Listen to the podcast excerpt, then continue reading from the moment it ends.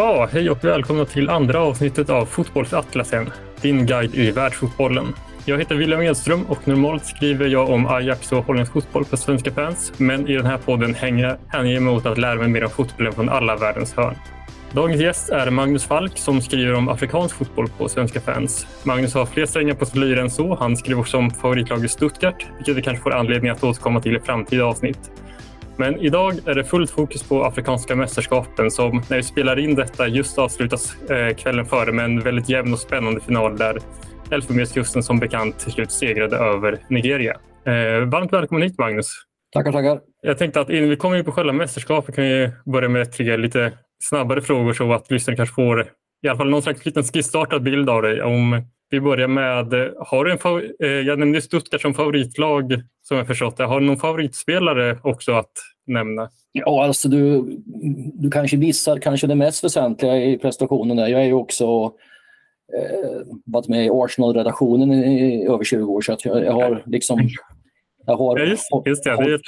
hållit på med det väldigt länge. Ja, men, men, det, ehm, nej, men i, i Stuttgart naturligtvis idag så det är alltid kul att se både Undav och Girassi, eh, spelaren från, från Guinea, mm. som kommit in där och spelat. Men eh, det finns många i, i laget som de har vuxit något enormt i år. Eh, Stiller är duktig, Mittelstedt är duktig, mm. eh, Anton är bra i mål, Nybel. Det har varit många som har, har, har vuxit i år. Men eh, naturligtvis, jag menar, hela världen stod ju stilla när Girassi började ösa in mål i början. Ja. början och visste man inte vem han var innan så så visste man det sen. Han gjorde mål på allt. Han gjorde mål på nick, han klackade, han, han skarva, han sköt, han uh, gjorde tap-ins, han gjorde mål på straff, frispark. Han gjorde mål på allt.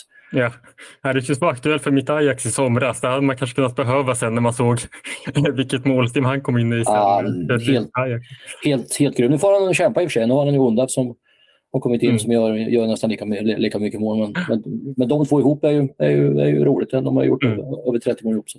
Vilket skulle du säga ditt största fotbollsminne? Mitt största fotbollsminne är, nu går jag tillbaka ganska långt för jag, ju, jag tillhör ju de äldre. Mitt största fotbollsminne eh, drar jag tillbaka till eh, 1989, 25 maj när Arsenal vann eh, ligan efter att ha eh, efter att gjort mål på eh, sista minuten mot Liverpool på Anfield. Ja, just det. Det är klassiker. Det är väl den uh, fever pitch Eh, exakt. Just det exakt. Den, den går inte att, den går liksom inte att slå. Den, den, jag har försökt att uppnå många olika sätt men den nej, den, den, den, mm. den, går inte att nå. Det retar jag alltid upp som högst upp på listan när jag pratar och diskuterar liksom på jobb och sånt här, när man skulle gå igenom sin, sin personliga resa. Så alltid, men Magnus, vad hände 89? Ja, det ska jag berätta för dig. Har du en eh, drömfotbollsresa som du gärna skulle vilja göra? Ja, alltså det, det, skulle vara jättekul och med tanke på att jag håller på med afrikansk fotboll skulle det vara jättekul att åka ner och se en, eh, se en afrikansk match. Det, det skulle mm. vara jättekul. Det skulle vara jättekul att åka ner och se något av de stora derbyna. Kanske inte norra, norra Afrika så mycket, men åka ner och se, um, se, se, se liksom derbyt i, i Kenya exempelvis, eller se det stora derbyt i Tanzania, eller se, se derbyt i, um, eh, som är i, i, i Soveto. Det, det, tror jag skulle vara kul. Sen vet jag inte om det är så jävla safe, men, men, mm. men, men det skulle vara enormt eh, kul att se något av dem och se livet, stämningen eh, och sen ja, försöka liksom bara suga in det som en, som en, en normal. Jag är inte så, mycket för, inte så jättemycket för de syd, sydamerikanska um, Argentina-derbyna som jag vet man har hört så mycket om, men det, det skulle vara jättekul. Och sen naturligtvis skulle det vara jättekul om man kunde ta till VM 2026. Det skulle vara jättekul. Jag var där 94 och eh, så ja. det skulle vara kul att återkomma 2026. Mm.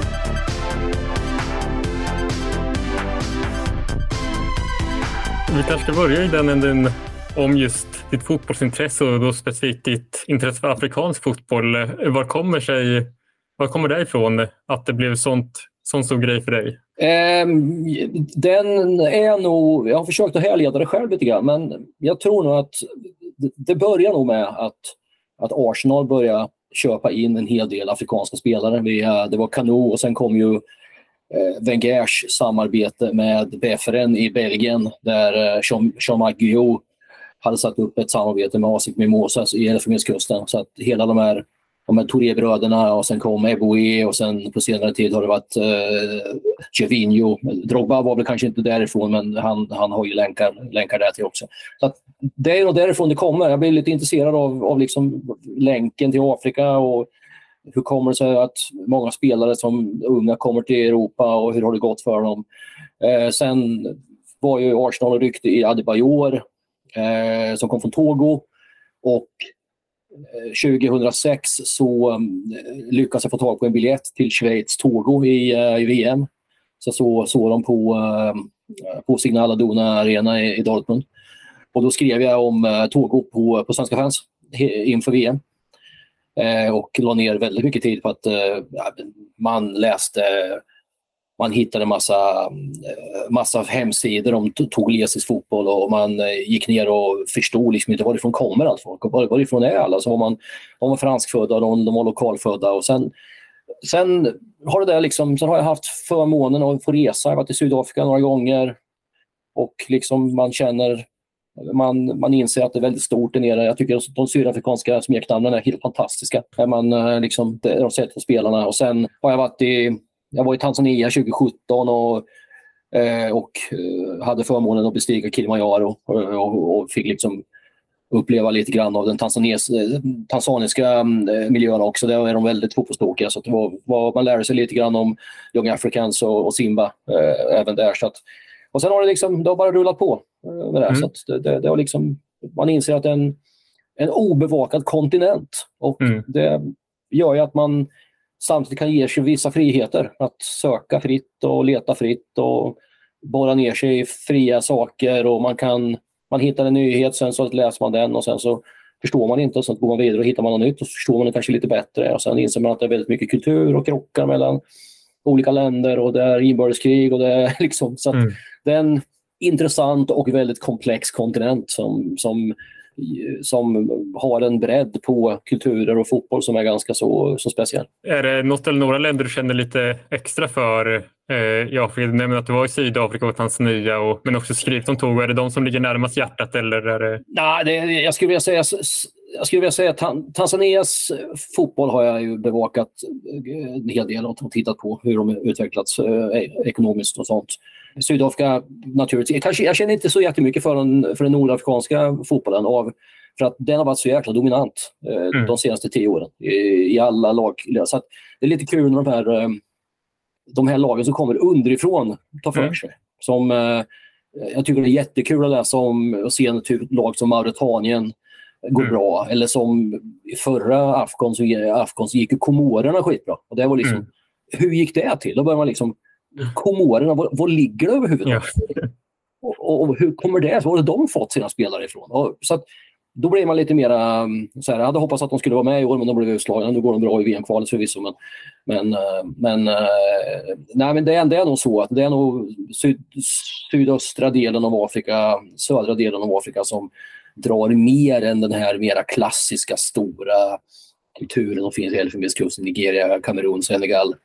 Mm. Eh, mera för att jag gillar de här lite mera undanskymda, kanske lite mera underdogs-lagen eh, som kan ta för sig och, och där nere är fotboll så enormt stort också. Mm. Det är mycket, mycket större där nere än vad man egentligen kan tänka sig. Ja, det är roligt. Får ju jag har ju chans att återkomma till det när vi pratar om det här mästerskapet. Det var ju väldigt mycket skrällar och, och länder som så oväntade prestationer. Men om vi ska börja där det slutade då eh, häromdagen med Elfenbenskusten som besegrade Nigeria med 2-1 i finalen till slut.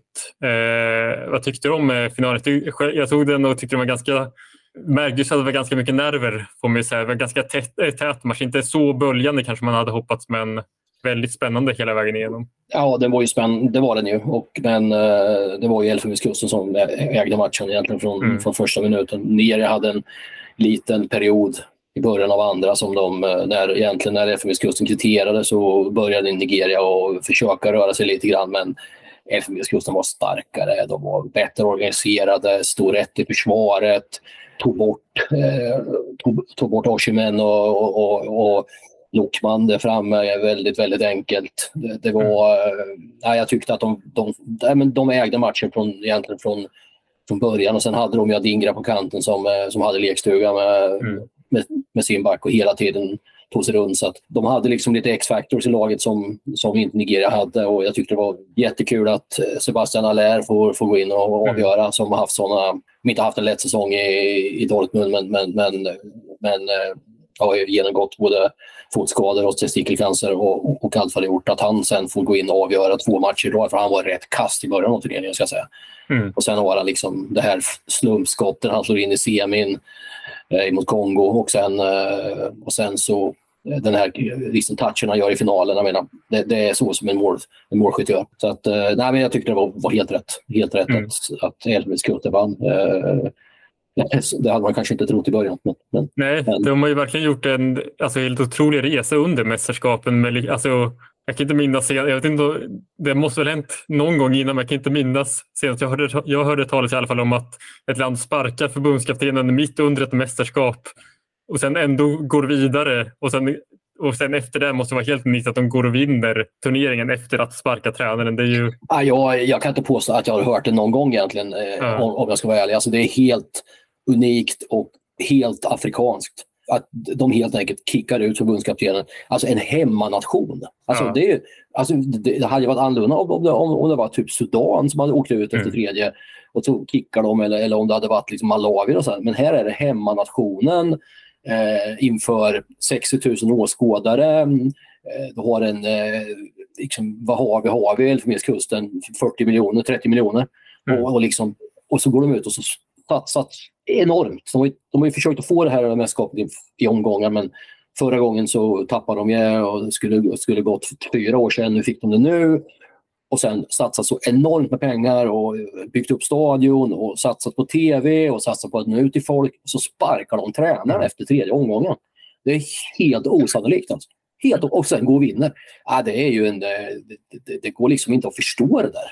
Och det var ju så nära. Alltså, de var ju alltså, de var ju väl någon dag ifrån att åka. Det var väl egentligen bara att vad var det? det var Mosambik som gjorde två mål på Ghana på övertid. Ja, precis. Och sen var det väl eh, var det Zambia som, som höll på att tappa någonting också som gjorde att de, att de bara...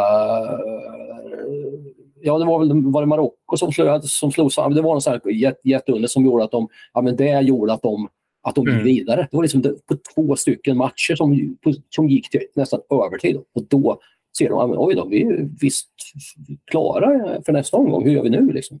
Mm. Då tar vi in en ny tränare. Vem ska ja. ta då? Du tar. Om jag inte tränat klart? Ja, men du får ta liksom. ja, det, det är helt, helt, helt, helt ofattbart men ändå väldigt afrikanskt. Ja, och hur de sen lyckas få till den. Då. För som du nämner att i, eh, jag, för jag såg eh, flera Elfenbenskustens matcher i slutspelet och som du, som du säger i finalen väldigt väl, välorganiserade, stod bra defensivt. Känns att, jag tycker det kändes som att de, att de kändes väldigt liksom samspelt ändå, att de hade en tydlig taktisk idé ändå, vilket ju är rätt märkligt att att tänka på egentligen just med tanke på att ja, det var alldeles nyss sparken i tränaren och hur snabbt kan de inte sätta spelet efter det? Och, alltså, ja. Hur skulle du säga att skillnaden före och efter tränarbytet var för dem egentligen? Ja, men det var ju, alltså det var ju, ja, de gick ju på våg. De, gick ju, de slog ju Guinea-Bissau i första matchen. Mm. Och sen, sen så eh, blev det förlust mot Nigeria och så blev det förlust mot Ekvatorialguinea. Eh, och jag tror att de gick lite grann på ånger efter första matchen. Var liksom, eh, och, och sen Nigeria var ganska jämn match. Det var ju han Trostekong mm. som gjorde mål, gjorde mål. Men sen, alltså matchen mot Ekvatorialien, om man har sett den matchen. Alltså de spelar inte skitdåligt. De har mm. egentligen, Ekvatorialien har väl sex chanser och gör fyra mål. Det är liksom, de har sånt brutalt flyt på sina avslut. Mm. Och Elfenbenskusten har ju, de gör ju allt. De har ju liksom, jag kan tänka mig att de har en 80 procent bollinnehav. Alltså de bara pressar och pressar och pressar och skapar och skapar och skapar. Men får ju inte in bollen. Och så gör de fyra och så, så får de liksom 0-1. Ja, men går vi på, ja, men så får de 0-2. Ja, men vad tusan. Och sen trycker de på allting. Så blir det 0-3 och 4-0 är i princip öppet mål. Så att, så att det, det, var ju liksom inte, det var inte mycket som behövdes för att de skulle kunna vinna den matchen egentligen, fast det stod 0-4. Men, men sen gör ju han, Faye gör ju en skillnad när han kommer in. Han tar ju in han tog in han Jean-Michel Seri i mittfältet. Mm. Som, han var inte med under första matcherna vad jag vet, utan han kom in, han kom in sen och han körde in honom som en, som en stabilisator på mitten tillsammans med eh, Kessie. Och Och, och, där får du liksom en, en, en, en du får en bättre balans på mittfältet och du får lite mer tandemjobbande, en fram, en bak, en täcker bak. Så att du får en lite bättre mm, dynamik på mittfältet som du kanske inte hade. Och det tror jag, liksom en spelare som lite grann som sweeper framför försvaret lite mera som, som håller ihop mittfältet. Eh, och det tror jag hade en, en ganska viktig roll i, egentligen när de spelade mot Senegal för, sen, för, för matchen. Sen var ju liksom, det var ju, det, det var ju helt jämnt. Den matchen var ju helt jämn. Senegal, Senegal var ju, tyckte jag var, så bra ut i början men tycker jag föll ihop då. De levde väldigt mycket på sina gamla meriter. Så att, ja, men jag tror det, det blev lite mer stabilare. De kunde koncentrera sig på att gå på att attackera. Centrallinjen blev säkrare. Eh, och sen tycker jag Fofana i målet var, var, ganska, var ganska stabil eh, turneringen igenom faktiskt.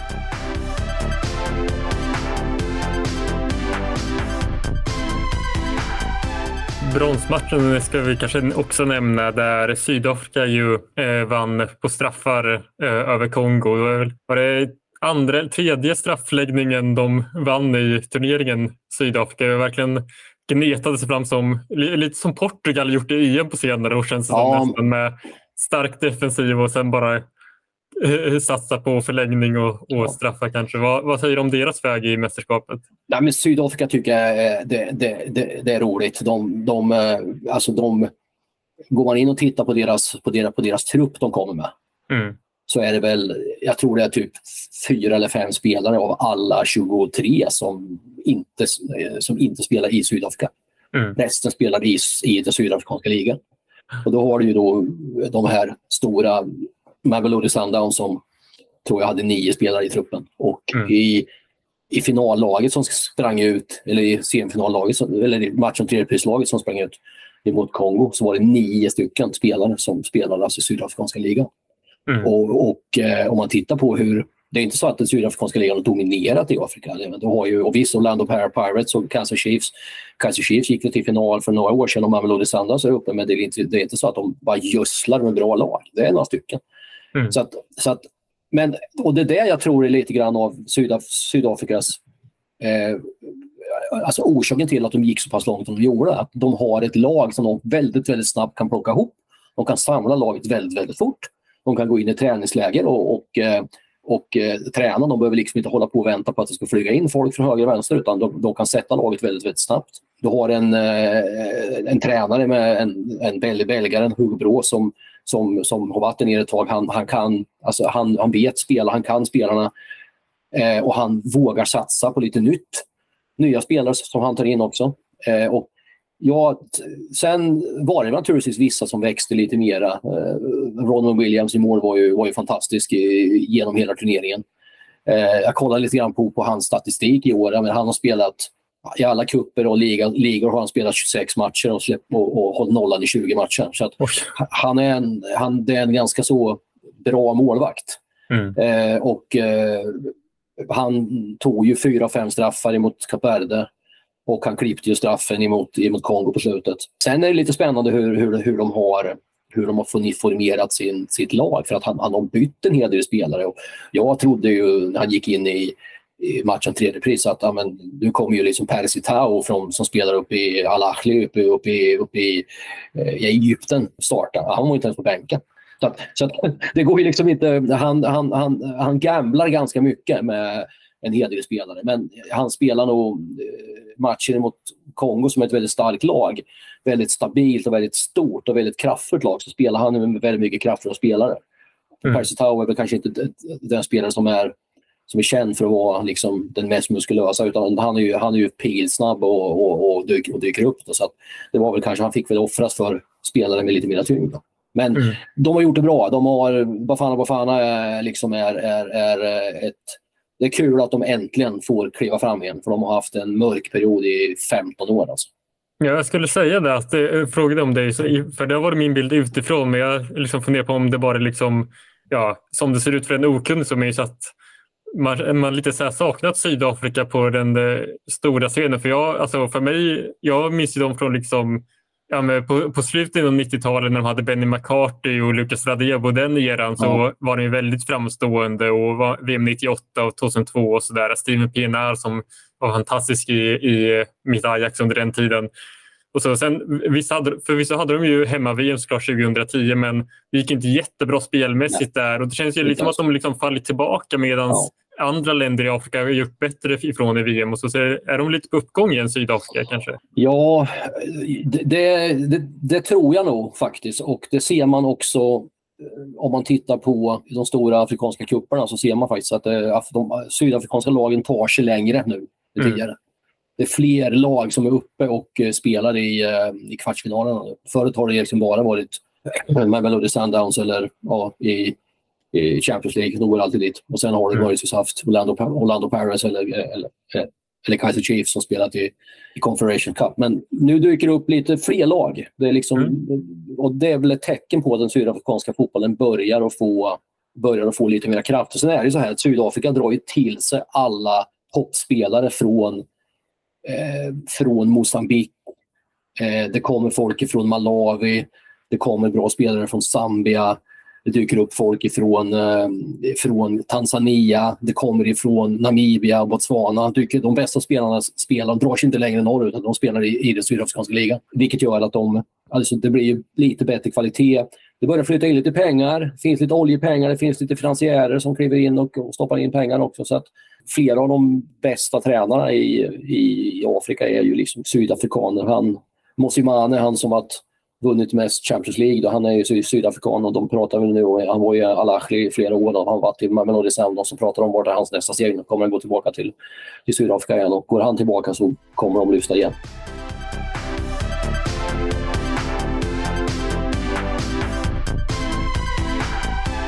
Elfenbenskusten och Nigeria var ju inte, det var inte två oväntade finallag i slutändan efter, även om det var väldigt krokig väg dit för i alla fall ett av lagen. Men det var ändå en turnering full av skrällar med Kap Verde i kvartsfinal, Mauritanien och Namibia gick båda till slutspel.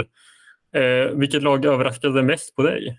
Nej, det är Kap Verde som, som jag tycker var, var en stor överraskning för mig. Jag, jag, jag, jag tycker att de är eh, nästan lite underskattade. Man måste ju inse att Kap Verde är ju en portugisisk koloni precis som Angola eh, och även Mosambik för övrigt. Eh, Kap Verde har eh, en förmåga att använda sig av spelare med Kap Verde ursprung, precis som Angola har. Som finns i Portugal, som finns i portugisiska ligan, som har kanske inte riktigt tar sig upp till landslaget utan kanske spelar U17, U19 och sen tar de sig inte vidare. Men då ser de, jaha, du har en mamma från Kap Verde. Är det inte Henrik Larsson som har den också? Ja, precis. Jag skulle säga det. Eh, och det är så de har fångat upp dem, väldigt många. Och, mm. och, och, tittar man nu i år så var det väl en handfull spelare som, som födda i Portugal. Så att de, har, de har lyckats att få ihop en skara duktiga spelare som, som liksom har drivit laget framåt. Och just den här att de har, det är en önation och de slåss för varandra tror jag ger, ger, ger, ger, ger City också. De, de är en underdog och, och sen har de liksom en, en ja, de har några spetsspelare som, som liksom driver laget framåt plus att de håller ihop som enhet. Så att, ja, jag, jag, tycker att det var en, det var, det var en vederkvickelse att se dem och tyck, tyckte det var kul. Kopplat till skrällarna så fanns det flera länder som överraskade ja, negativt får vi säga istället med Ja, Marocko och Egypten gick ju båda till åttondelsfinal i och för sig, men tog ju stopp där. Särskilt med ja. Marocko med tanke på deras insats i VM så hade man ju väl eh, kanske större förväntningar där. Eh, och sen Ghana, Algeriet, Tunisien gick ju alla, åkte ju alla redan i, i gruppspelet. Ja. Och så, vilken är den största floppen av dem skulle du säga? Jag skrev en artikel idag om, om Ghana som, mm. eh, som, som jag återkommer till eh, i mitt huvud. Den är ju liksom att Ghana återigen misslyckas andra turneringen i rad om inte går, går vidare. är ju för mig en eh, både en gåta men också ett tecken på att det är någonting i relationen som, som, som inte funkar. Eh, jag tror att, jag ska inte djupanalysera för det kan jag inte, men, men jag tror att väldigt mycket av, den, eh, av Ghanas problem är just det, om man tittar på hur deras senaste, liksom, senaste tio år har varit i klubbfotbollen har de inte haft ett lag uppe i, i, liksom, i egentligen något slutspel i någon, i någon eh, liksom, i, i, i någon av de båda kupperna. Alla spelare går när de är 15-16, går till Europa. Mm. Det eh, finns knappt en enda spelare kvar i, i, laget som inte spelar i, i Ghana. Eh, jag tror att ungdomsverksamheten i Ghana behöver ryckas upp rejält för att de ska få upp spellag som är slagbara även i Afrika. Eh, de har ju Hearts of Oak och Asante Kotoko som har varit bra. Hearts of Oak har ju vunnit två stycken Champions League långt tillbaka i tiden, men det är, då pratar vi 80-tal. Eh, men jag, jag tror att de är laget är för spritt, laget består av för mycket öar. Det finns ingen sammanhållning, de har bytt tränare jämt, jämt, jämt, jämt. Alltså går de inte vidare till, till slutspel, ut med tränaren. Går de inte vidare, ut med tränaren. De har, jag vet inte hur många. De byter ju mitt under turneringen också ibland. Mm. Gjorde de det senast tror jag. Så att jag tror det är en instabilitet i, i, i landet, i, i, alltså i, föreningen, eller i, i, föreningarna. Det finns, inget, finns ingen uppbyggnad. Stjärnorna går för tidigt. Och när de, när de kommer hem så spelar de väldigt, väldigt, väldigt mycket för sig själva. Så att det, men, men, men samtidigt tror jag att den andra laget som man inte ska glömma bort och, och, och, och liksom titta på är Algeriet. Mm. Alltså Algeriet vann Afcon 2019 var det väl va? De vann. Mm. Ben, ben Hacher var väl bästa spelare på liksom då. Och vad har hänt sedan dess då? Ingenting. Mm. De har liksom de går hyfsat i, fotboll, alltså i klubbfotbollen går de hyfsat bra, men de får liksom inte ihop laget. Det är också mm. det likadant. Det kommer in stjärnor, det flygs in Mares, det flygs in uh, Ben Slimane, det flygs in uh, vad heter Ben, ben Sabaini, men de kommer in förmodligen uh, trötta efter mycket boll, trötta efter lång, långt spelande, precis som Ghana. Stjärnorna spelar ju mycket. Va? Mm. De är trötta, de har inte vilat. De kommer in och förväntas förväntas av hela nationen att prestera och sen knyter det sig. Och det, Algeriet för mig är, precis som Ghana, ett, en, en, en skräll. Jag menar, de gick inte vidare sist heller. Och, och det, jag menar, sen, har du, sen har du Senegal, du har Egypten, du har uh, Marocko som alla åkte ut i som alla åkte ut i kvarten. Och rätt så intressant är att åtta lag hade vi i semifinal i kvartsfinal i år. Ingen av de åtta lagen spelade kvartsfinal sist. Nej, det är lite härligt också att det blir sådana svängningar. Så, men både Algeriet och Ghana som nämnde, de var ju också de var ju också med, var ju också med i flera VM-turneringar i rad. Det känns som att de hade fått lite, vad heter det, höjt sig till en nivå, eh, ny nivå också. Jag tänker också på med Ghana med de har ju liksom, det känns på pappret i alla fall som att de var ja, minst lika starka eller ännu starkare spelare nu som de hade förra generationen. Alltså förr när de hade Asamoah Gyan och så nu har vi Mohamed Kudus och Suleiman och många som gått genom den här eh, Right to Dream-akademin eh, ja, ja. och sen försvunnit till Europa. Men som du är inne på, är att de försvinner väldigt snabbt till Europa och har ju hittat, ja, kommit sin väg till, till eh, topplag. Har ju flera stycken Premier League-spel som gått den vägen. Så, men du tror att det kan ja, göra, vara lite lidande för landslaget att de försvinner så? Ja, det tror jag absolut. Jag tror att, jag tror att länken till landslaget försvinner för tidigt. De får liksom hålla på och pendla fram och tillbaka till, till, till, till matcherna. Det är ganska stora avstånd. Eh, de får ta sig, de kommer slitna till, till landslagsläger. Många är skadade när de kommer. Sen är det ju det, Ghana i all välmening, men tittar man på laget, de har ju liksom ingen superstjärna. Kodos, okej. Okay. Han är, vad är han, West Ham och gör lite mål, men, men det är liksom ingen som de har ju liksom ingen superstjärna, ingen, ingen, liksom, ingen, ingen kille de kan sätta på en pedestal och säga det här är våran det här är vår stora stjärna som ska leda laget. Liksom. Inte som liksom Nigerias Oshimen exempelvis. Han, mm. han, han finns ju där som en, som en, en stor stjärna. Nu har inte Elfenbenskusten det heller förvisso i år, då, men, men, men, men jag tror att Ghana lider av det. De lider också av att de åkte ut sist. Stora förväntningar. Black Stars, de ska gå långt. Mm. Uh, jag följer Ghana Soccer ganska väl och, och, och, och, och alltså, kravbilden på de där stjärnorna där är ju jättestor. Alltså. De ska ju alltid gå långt. Och presidenten in och yrar och fotbollsledarna in och yrar och de vill ha in den ena eller den andra. Och 500 ansökningar till nya, till nya tränarposter exempelvis. 500 ansökningar. så jag kan väl berätta. Men, ja, vad heter det? Jag tänkte också på, du nämnde Marocko lite också. De är ju skärmar ju väldigt många under senaste VM och så. Jag höll, ganska, jag höll en tumme för dem själva också med Hakim Ziyech och Nosir Masraoui som jag tycker väldigt mycket om sen mm. Ajax-tiden. De, men eh, Marocko tycker jag känns... Det kan bara vara... Ja, de tog sig till slutspel, sen så där så kanske är, ja, det är lätt att säga i efterhand kanske att jag, hade man gjort den lilla grejen annorlunda så kanske hade slutat ja. på ett helt annat sätt och så. Men de har ju ändå haft något slags akademiarbete på hemmaplan som jag förstått det lite mer än, än Ghana och försökt verkligen satsa på landslaget samtidigt som de också kunnat rekrytera ja, Ziyech och Masraoui, båda födda i Holland men eh, ja. valde Marocko som landslagsnivå. Så det känns som att de har haft en ganska bra pool att ha både liksom hemmafostrade spelare så att säga men också utländska stjärnor. Men ja. det ville sig inte riktigt den här gången. Nej, Marocko är en liten gåta eh, faktiskt. Eh, de, eh, precis som du säger, de har ju haft en väldigt, väldigt stark klubb fotboll. Jag menar, mm. både Raja och Wydad har ju gått, gått långt i alla turneringar. Nu i år är det väl Raja går inte riktigt lika bra i år. De, de, de kommer vara femma i ligan, så att nu är det de här andra. Eh, Asfar som, som i och för sig inte heller gick vidare. Då, men, men, men, eh, men, men absolut, stjärnor finns. Jag bara funderar på om det är så att hur viktigt är afrikanska mästerskapen för många av de här spelarna? Jag, jag, jag vet inte, är det mm. jätteviktigt? Nästa år, 25 spelas i Marocko. Mm, ja. då, då kommer de vara, vara om det, det är så att de satsade på det ja. eller att de bara kom tillbaka för slitna ifrån mycket fotboll eller det är så att det var eh, de inte hade tid att spela ihop laget eller om det bara var ren jävla otur, ursäkta språket. Men, men alltså de mötte ju Sydafrika i, i åttondelen och Sydafrika höll dem alltså höll emot bra eh, mm. i, i princip. Sen fick Sydafrika in en boll och sen åkte han Amrabat ut va, och fick mm. ju rött. Då.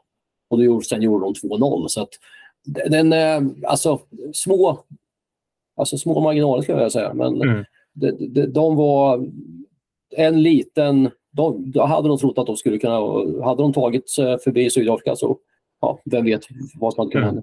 Kanske, kanske blir nästa mästerskap då, som du säger. Eller så kanske vi får se ifall de gör samma resa då som Elfenbenskusten fick göra nu med sparka tränare och allting och sen ändå gå och vinna i slutet som Ja, men, men precis som du säger, Marocko har jobbat mycket med sin akademi. Det såg man ju inte annat i, i, i dam-VM när, när de liksom har plockat fram eh, väldigt mycket talanger lokalt nu. Så att de satsar ju mycket. Det är, alltså, det är mycket pengar som flyter in från, från, från, från, från kungens fonder i, i mm. Marocko. Mm. Ja, precis. De finansierar verkligen. Ja, ja. De, de har väl också ett exempel på Ja, det, jag, jag, mig, jag hörde via Play-studion snacka lite om det efter matchen igår just med att det verkar vara lite skifte i af, afrikansk fotboll nu med att förbundskaptener, det börjar bli fler och fler inhemska förbundskaptener. Att det inte, liksom längre, att det inte bara är ja, pensionärsgamla fransoser som det var förr väldigt, i väldigt många länder. Regrau i Marocko är ju, och, och Faye som fick ta över Elfenbenskusten mitt under mästerskapet är båda yngre och från, från ja, tränar sitt eget land. Eh, liksom kan, och så det känns väl också som att det är en eh, intressant utveckling om det, man kommer bort lite från det Ja, man ska, det känns lite, ju alltid känts lite så kolonialt med ja. de gamla fransmännen som har sett ja. vid sidlinjen. Och så. Ja, och, och det tror jag kan vara, kan vara bra. För att får du in en lokal tränare, så, en, eh, eh, en lokal tränare som har, som har lite bredd, som har lite, lite vyer, som har sett ungdomen komma fram i, fransk, i, i, i den lokala fotbollen. Och inte bara du köper in en, en spelare från en, en, en tränare från de gamla kol kolonialmakterna som kommer in och han, han har fått en en papperslapp med 35 spelare som, är, som är liksom, har varit aktuella i landslaget de senaste året och, det är liksom, och alla är, sitter i Frankrike, Tyskland, England, Spanien, några sitter i arabvärlden och knappt någon sitter inhemskt. Mm. Jag, tror att det kan vara svårt för, för, för, en, sån spel, för en sån att typ, spendera för mycket tid i den inhemska ligan och åka runt och titta på matcher.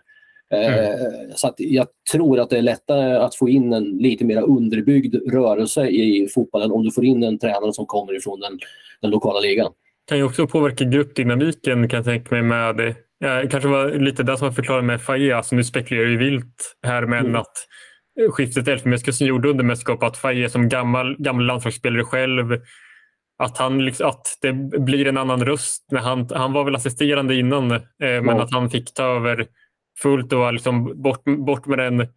Det kanske var lite svår, svårt att knyta an mellan den gamla förbundskaptenen och spelargruppen ja. och så kommer en yngre in som då kanske, kanske blir, det måste ju påverka dynamiken också, tänker jag. Ja, och sen var väl Faye med vann, va? Han var väl med och vann eh, 2012 också. Så att Ja, just det. han kan ju tala om hur det känns.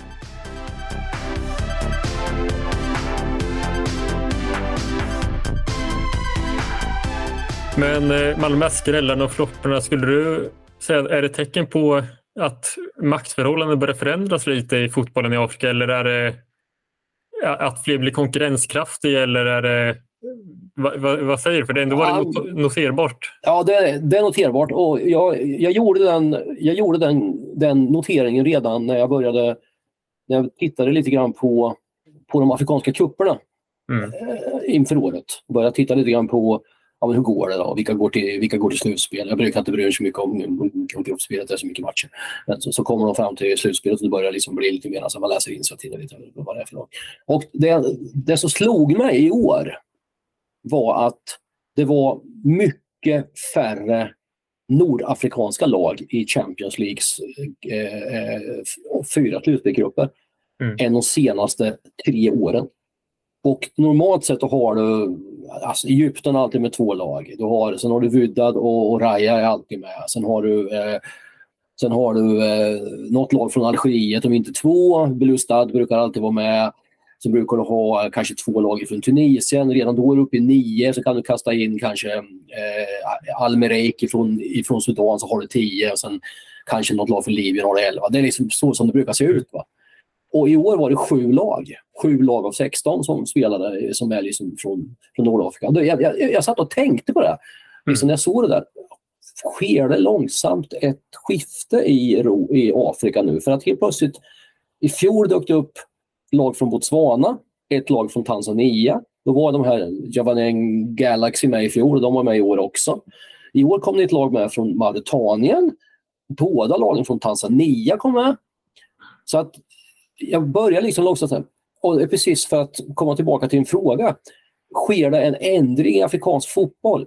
Alltså, det är nästan så att jag hoppas det. Mm. För att det har varit en väldigt stark dominans ifrån, ifrån Nordafrika och Västafrika. Nu var det ju Västafrika i, i finalen naturligtvis, men du hade med Kap Verde, du hade med Kongo i semifinalerna, eh, i sem, eh, i, i, i kvarten, Kongo, Sydafrika. Ehm, Tanzania gick inte vidare, men Tanzania var med. Mm. Eh, så att jag hoppas lite grann på att du ser att vi ser en, en, en, en, ett skifte och jag undrar om det kommer av just det faktum att du har väldigt mycket inhemsk fotboll som kanske inte släpper ifrån sig så mycket stjärnor till, till, till övriga delar av, av världen. Och att det börjar flyta in lite mera pengar i, i vissa länder. Som Mm. lite större sponsorer, eh, lite bättre organisationer i ligorna, lite bättre organisationer runt omkring fotbollen som gör att de här ligorna börjar liksom producera både lag och spelare som gör att, som gör att landslagen växer. Eh, men jag vet inte, som du säger, man kan titta tillbaka på Marocko, ja absolut. De gör mycket. De gör mycket. Däremot är det ju Tunisien har inte lyckats på många, många år. Algeriet har varit dåliga. Egypten känns gamla. Går in, titta in i Egyptens lag. Alltså, det är samma lag som de har haft i senaste tre, tre turneringar. Det är inte många som, det är inte mycket nytt där. Liksom. Mm. Så att, eh, det kan vara så att det, en, att, att det sker en liten, liten, liten, liten förskjutning. Ja. Eh, ska jag kanske säga. Sen tror jag att Västafrika kommer att, kommer att vara urstarka framöver också. Eh, med Nigeria och, och, och även, även ja, Ghana kan få tillbaka sitt, eh, sitt Elfenbenskusten. Vi har Mali, ska man inte glömma bort. Mali, eh, bara hoppas jag och ber om att de ska lyckas någon gång. Att de får fram sina spelare. Det har varit bra länge, länge, länge. Mm. Jag var svag för Mali jag med. Jag kommer ihåg, jag måste vara länge sedan, det var något, ja, vi är inne på 2004, 2005 i något afrikanskt mästerskap, gick då att jag blev lite charmad av just att de kändes som lite outsider. Att de, var från, ja, de är ju också från Västafrika men inte alls ja, inte varit lika hypade som till Nej. Ghana och Nigeria. Och så. Det finns någon sån här match som jag också har i mitt bakhuvud när de gör någon sån här mm, fullkomligt fantastisk vändning. Ja. Det är väl eh, Fredrik Canoté kan tror jag som, är, klassiker. som, eh, som tror jag är med och, och, och, och driver. Och sen hade de ju han, eh, vad heter han, Mamadou Diarra som spelar, i, som spelar mittfält i, i Real Madrid. Va? Mm. De, de två var ju de som, eh, som, som drev laget. Och då hade de ju flera spelare och då var de riktigt bra. Alltså det, det, finns så här i mitt mitt bak, bakhuvud att de vänder en match, ligger under med typ vad vet jag, 4-1 och de går upp till 5-4 och det blir 6-5. Någon, här, någon sån här grym match. Någon sån här topp 5 av Afrikas matcher genom tiden. Det var helt mm. fantastiskt. Precis. Och så är, om man, jag undrar om man kanske inte ska, vi kanske inte ska tala så mycket om att nödvändigtvis att maktförhållandena mellan nationerna börjar förändras, men det kanske kan också bara vara att det blir liksom mer konkurrenskraftigt överlag. Att kanske mer att inte, inte att liksom de nordafrikanska länderna är på väg neråt och de andra uppåt, utan att kanske nivån generellt är på väg att höjas lite. Att det, inte, att det, att det blir lite jämnare överlag. ja, men det är som vi sa, åtta nya kvartsfinaler från sist. mm. liksom. Det är sant. Det, det, säger, det säger någonting. Och, mm. och det var egentligen inget lag i, det var egentligen inget lag som var som egentligen var åker hem med 3-0, alltså 0-3, 0-3, 0-3, åker hem och får liksom smyga ut på bakvägen. Utan det var, det var, alla tog väl vad jag vet poäng. Eh, alla spelade, det var liksom inga matcher som slutade med något katastrofresultat. 4-0 var ju egentligen det mm. resultatet som man minns. Och, och, och det är ju det, mig veterligen det största största förlusten för en, en hemmanation sedan Brasilien eh, mm. 2014. Liksom. Så att det var jämna matcher rakt igenom och ohyggligt mycket mål. Det var alltså mm. det, den, det mästerskapet i afrikansk historia som gjort mest mål. Jaha. Så att det var typ 20 mål mer än senast. Så att det var så att det är lite kul. Lite kul mm. med så mycket mål. Jag tror ja. 120 mål. Mm. Eh, om vi skulle se tillbaka och tänka lite mer, inte bara på eh, lagen som vi pratar väldigt mycket om, men också om vi fokuserar på lite spelare också. Om vi, ska ta, om vi skulle fundera kring ja, ja, mästerskapets bästa spelare, har du några kandidater då som poppar upp i ditt huvud? Ja, alltså naturligtvis var ju han som fick priset som bästa spelare, Trostekong i, i, i, mm. i, i Nigeria. Och, och, du som kan Holland är väl väl, väl med Ja. Han, han, är väl till och med född i Holland. Ja, precis. Trots det, första halvan av efternamnet är holländskt. Ja. Eh. Jo, men han var ju bra. Sen naturligtvis var ju eh, Adingra i Elfenbenskusten eh, var ju mm. fantastisk eh, egentligen rakt igenom tycker jag. Eh, jag tyckte ju målvakten i, målvakterna i både Ekvatorialguinea Jesus Ovono och eh, Ronwen Williams i Sydafrika tycker jag stod ut. De var, de var bäst, de var klart bäst av alla målvakterna. Mm. Eh, och, eh, men det, det, som jag tycker är lite spännande i, i det är ju det att Trostekong eh, är, blir vald till turneringens bästa spelare. Eh, han spelar i Grekland.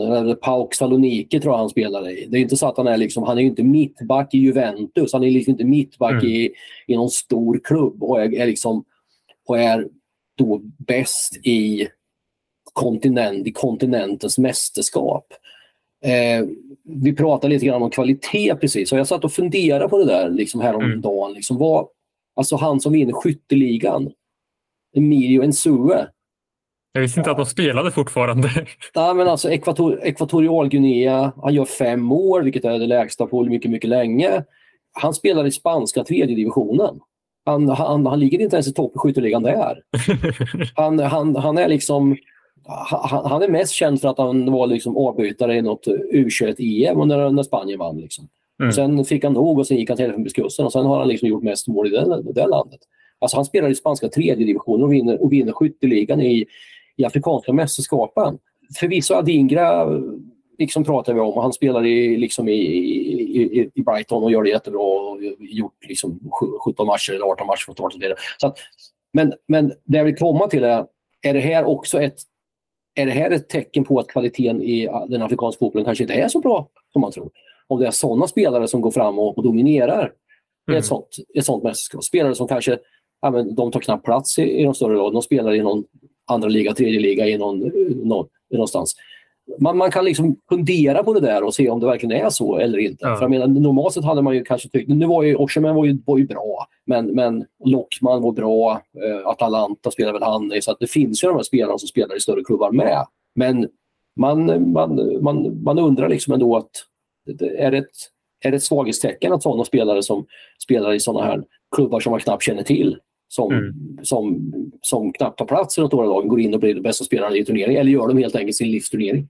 Ja, sant. Det kan vara lite romantiskt för en också med Emilio Ensue som till exempel som var skytteligan att Alltså, han, han var ju bra spelare. Han spelade på hög nivå för en tio alltså, Han var, spelade i Mallorca och i La Liga och så. Det var därifrån jag kände igen honom. Jag hade mm. ingen aning om att han fortfarande var aktiv förrän jag såg att han hade gjort hattrick i gruppspelet här och så. Men det är samtidigt kan man, i hans fall kanske också är så simpelt att han liksom som säger, gör sitt livs turnering för, för, för Ekvatorialguinea och kanske känner just lite att nu, nu är han veteranen i laget och nu är hans sista chans, hans sista, hans sista turnering kanske och då bara fick han liksom till det några matcher där. Så att det ser konstigt ut när man kollar på klubbadressen sen och så, men, eh, och så, men, det, men det kan inte heller vara första gången det blir så att jag tycker det alltid brukar vara så i VM och EM också, att det, dyker, att det gärna ofta någon målskytt som dyker ja. upp från oväntat håll liksom, och spottar in några bollar och blir som klassisk mästerskapsspelare som sen kanske inte gör ett jättestort avtryck. Det blir ofta gärna ett klubbyte på dem efteråt och sen ja, så går det inte så bra. Du har ju många sådana. Du hade väl ja. Eh, typ Oleg Salenko 94 som gjorde ja, fem precis, mål mot, mot Kamerun exempelvis. Sen han,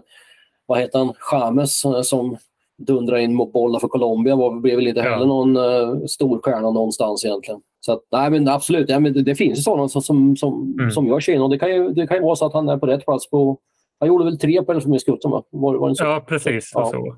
Men kanske också ett tecken på, som du var inne på, jag tycker nu, flera av lagen vi pratar om, som är Sydafrika och, och Elfenbenskusten, att det var starka kollektiv. Känns som mycket att även om eh, ja, Elfenbenskusten hade Sebastian Allaire och, och Niger hade Victor Osimhen som hade varit en anfallsstjärna på topp.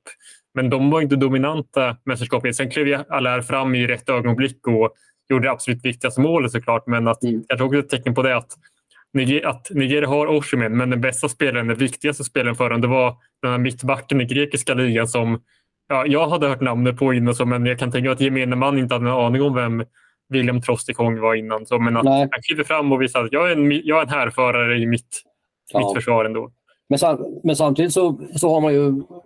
Vi prav, du, du pratade om... Eh, du, du, nämnde det här med, med, med skrällar och, och, och, och besvikelser. Jag menar, en mm. besvikelse som jag tror många ser också, är ju, måste ju ändå vara Senegal. Förvisso ja. åker de ut på straffar mot Elfenbenskusten och det hade kunnat gå åt, åt båda håll. Men jag tyckte nog när jag såg Senegal att de såg lite gamla ut nu. Mm. Mané, det är bara att titta på de här tre stora stjärnorna. Mondy, Koulibaly och Mané. Vad har, de, vad, vad har de gjort de senaste två åren? Ja, de har bytt klubbar och bytt klubbar.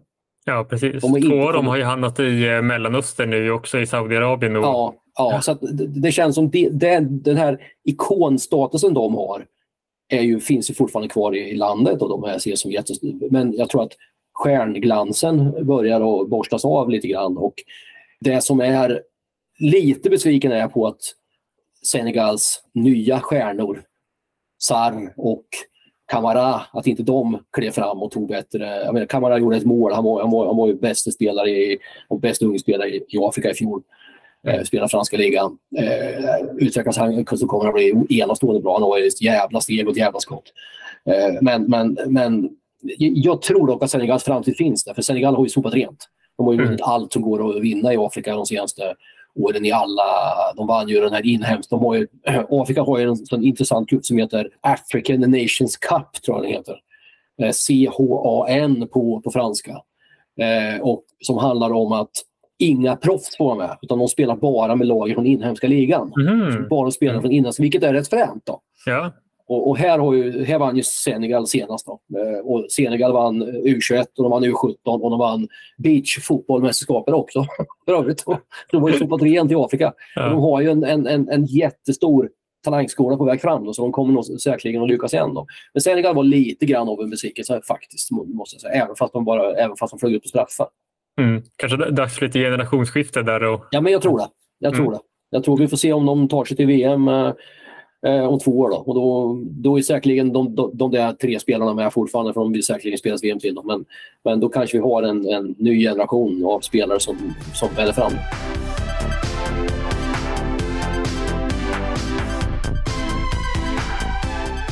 Om vi blickar framåt eh, mot 2026, vilka afrikanska länder tror du kommer ta sig dit och eh, tror du kan göra avtryck i eh, USA och Mexiko?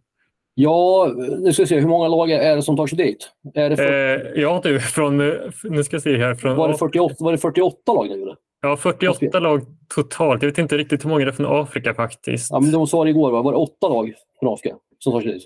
För då, då kommer det ju vara...